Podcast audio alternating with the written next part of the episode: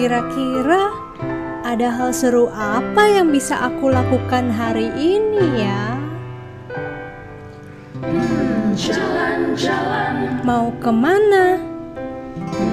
Membaca. Bukunya mana?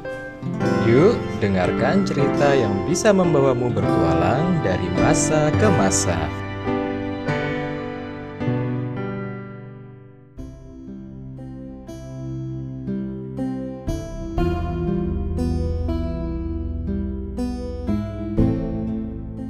Senja Hari Sabtu Cerita dan Rasa Indomie Ditulis oleh Iri Shana Bagian ketiga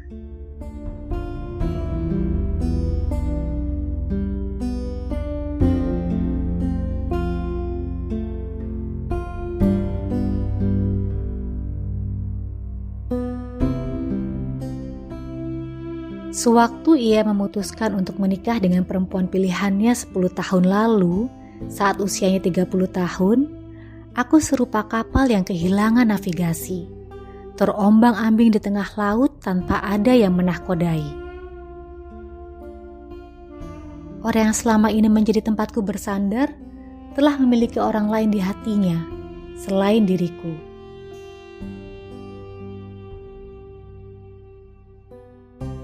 Jujur saja, saat itu perasaanku campur aduk, sedih, kecewa, merasa terabaikan. Di satu sisi, aku juga bersyukur akhirnya ia bisa melabuhkan hatinya. Matanya amat berbinar hari itu. Suasana begitu haru. Sebenarnya, aku cepat akrab dengan kakak iparku, Midah. Tapi aku tidak bisa menutupi adanya ruang kosong dalam hatiku yang menginginkan Mas Arya kembali menempatinya seperti dulu. Mas Arya yang selalu mengurusiku, memperhatikanku, mencurahkan segala kasih sayangnya hanya padaku. Aku masih sulit menerima kenyataan itu. Apalagi setelah menikah, ia memutuskan pindah ke ibu kota karena mendapat pekerjaan di sana. Aku kepayahan dalam meredam kekalutan itu.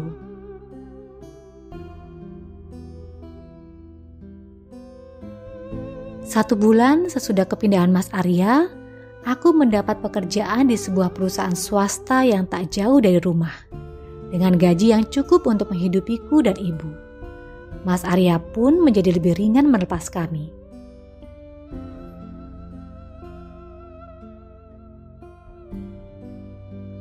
Namun, nasib baik tidak berpihak padaku.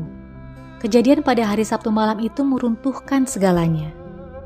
Sebagai karyawan baru, aku masih idealis dan ingin menyelesaikan seluruh pekerjaan secepat mungkin dengan hasil maksimal. Hampir setiap hari, aku rela pulang hingga lebih dari jam 10 malam. Jalan yang biasanya kulewati diapit oleh area persawahan dan jarang ada yang melintas.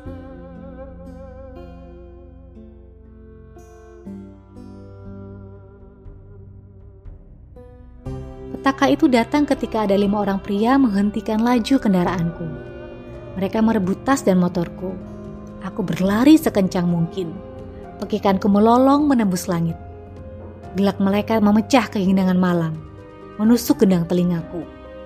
Jarak mereka hanya sepelemparan batu di belakangku. Kakiku goyah. Aku tersungkur di atas aspal. Dadaku bergemuruh hingga aku bisa mendengar aliran darah yang mengentak-entak di pelipisku. Ternyata mereka tak cukup hanya merampas barang-barangku. Mereka juga merenggut kehormatan dan harga diriku. Pakaianku terkoyak. Otakku tak sudi menyimpan ingatan atas kejadian setelahnya.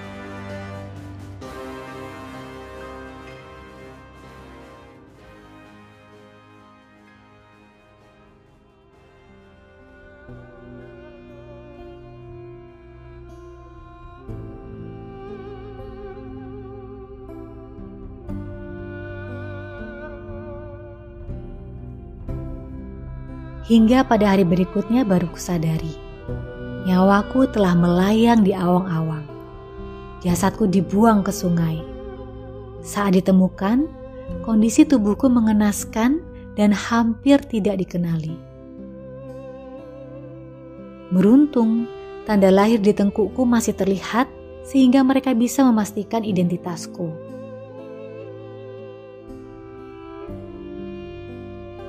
Setiap kali mimpi buruk itu datang, aku seolah tenggelam hingga palung terdalam.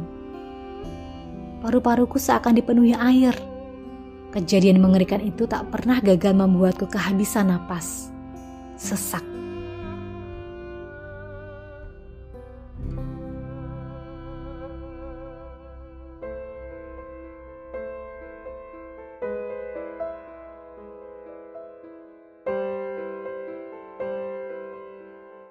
Sejak peristiwa itu, tiap senja pada hari Sabtu, Mas Arya selalu duduk di pusaraku, mengakhiri ceritanya dengan rapalan permintaan maaf karena tidak bisa menjagaku dengan baik. Maafkan Mas Arya, Saras. Maafkan Mas Arya, katanya terseduh. Rasanya ingin kuhapus air mata itu. Namun, apa daya? Aku hanya bisa membalas alunan kisahnya dengan duka yang mendalam.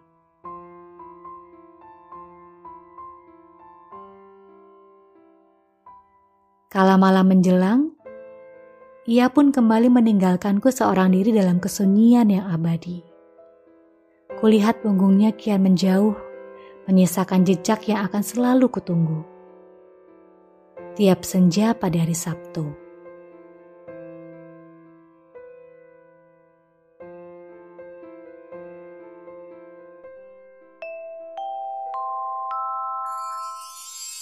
Demikian kisah Hari ini terima kasih Sampai jumpa lagi